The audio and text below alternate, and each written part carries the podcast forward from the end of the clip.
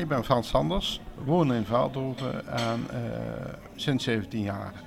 En ga regelmatig dus naar de theater. En hoe vaak gaat u naar de Schalm?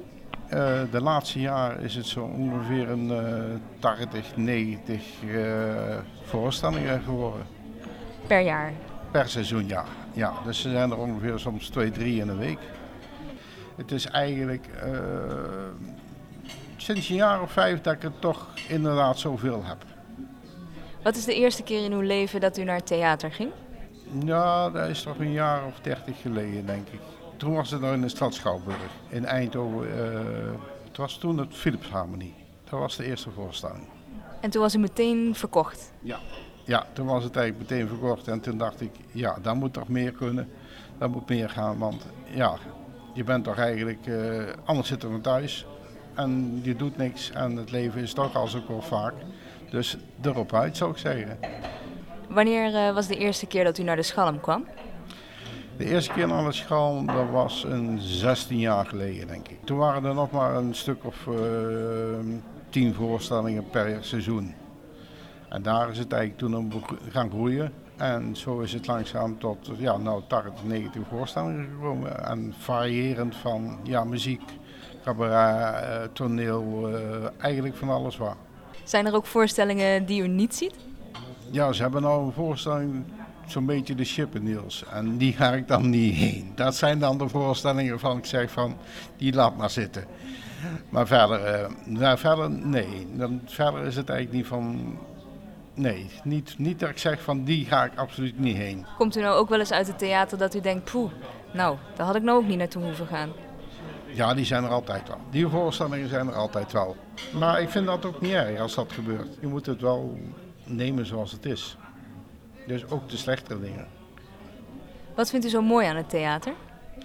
Uh, het mooie aan het theater is uh, toch de sfeer die er hangt. Met al de mensen die je hebt. En als je thuis voor de televisie ziet, en dan kunnen nog zo'n leuke muziekprogramma op hebben of wat dan ook. Je hebt toch een andere sfeer. En die sfeer die kun je thuis niet proeven die je in het theater hebt. En dan in de tussentijd ken je ook al die mensen van het theater. Dat is ook een groot voordeel. En uh, je hoeft je eigenlijk niet meer voor te stellen, want ze weten wie je bent. Uh, dus wat dat betreft is het gewoon een leuke business. En we zitten nu bij de burgemeester, het voormalige Studio 61 daar begroeten ze u ook allemaal. Dus u komt hier ook regelmatig. Ja, dat is ook inderdaad, daar kom ik ook regelmatig. Meestal om de vier, vijf voorstellingen wil ik daar eens nog wel gaan eten. Ja, ja het is nou een nieuw concept. Dus uh, we zullen daar even kijken wat het is. Wat heeft u besteld? Ik heb uh, burgermeester uh, bief besteld. Ja, de naam uh, burgemeester, dus dan moet ook de meesterbrief bestellen. Ja, dat is de eerste keer uh, proeven. En? Ja, het smaakt lekker. Heel lekker. Welke voorstelling gaan we zo dadelijk naartoe? We gaan dadelijk naar een voorstelling van uh, een oud-militair die in Afghanistan die kant is geweest en daar na de rand best problemen heeft mee gehad. Um, die is daarover gaan schrijven en op die manier heeft hij het van zich af weten te schrijven. Daarbij heeft hij de voorstelling ook uh, een aantal artiesten uh, die hem begeleiden en dan uh, zingt hij ook nog een aantal liedjes over wat hij heeft meegemaakt. En op die manier heeft hij een heel, heel stuk van zich weten te verwerken. Dat klinkt bijna alsof u het al gezien heeft. Ik heb een klein stukje gezien van hem. Hij heeft hier een, um, een previewavond gehad. Een previewavond is een avond waar uh, een stuk of vier, vijf artiesten iets laten zien van wat er komt. En daar was hij er eentje van.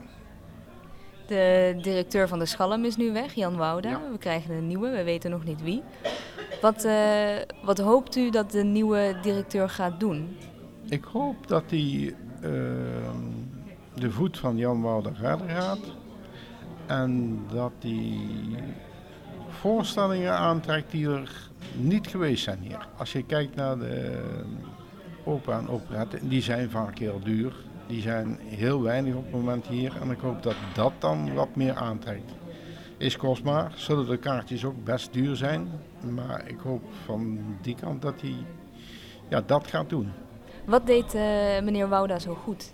Uh, omdat hij best wel aardig uh, variatie inbracht.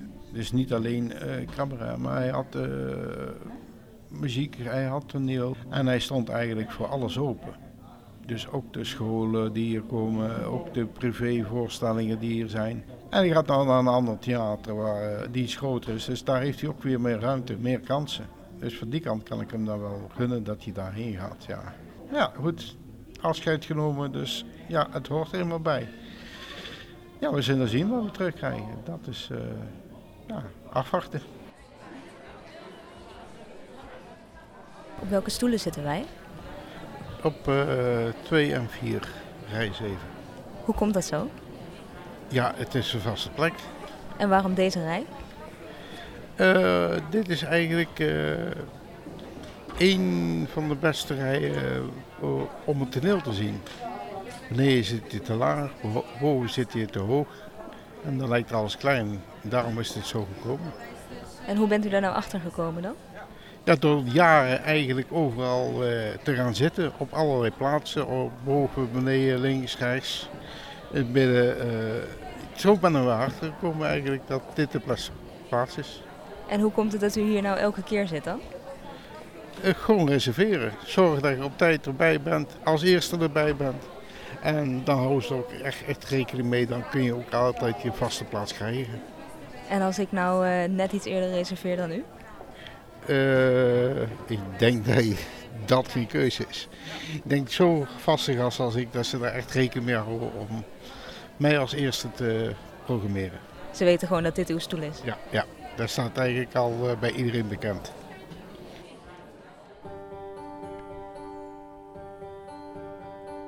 Summer has come and passed, years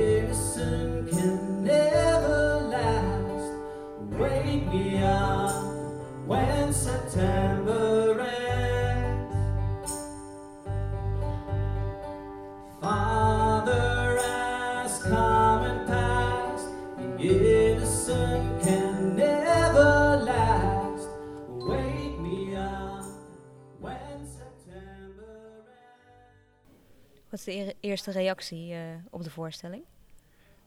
Indrukwekkend eigenlijk, dat mag ik wel zeggen, ja. Wat vond u het mooiste? De eregoed door alle militairen. Toch een uh, erebetoon aan allegenen die overleden zijn tijdens de missie. Colin Basin. Jefferson, Clifford, Francis. Lest we forget. Wat gebeurde er toen in de zaal? Uh, toen in de zaal uh, werd een eregoed uh, gedaan door alle militairen die hier waren. Groep. En gingen staan en gingen echt in ge- gelijk staan. Voor al diegenen die to- toen overleden waren. Ja. Geeft. Acht. Brengt. Eregoed.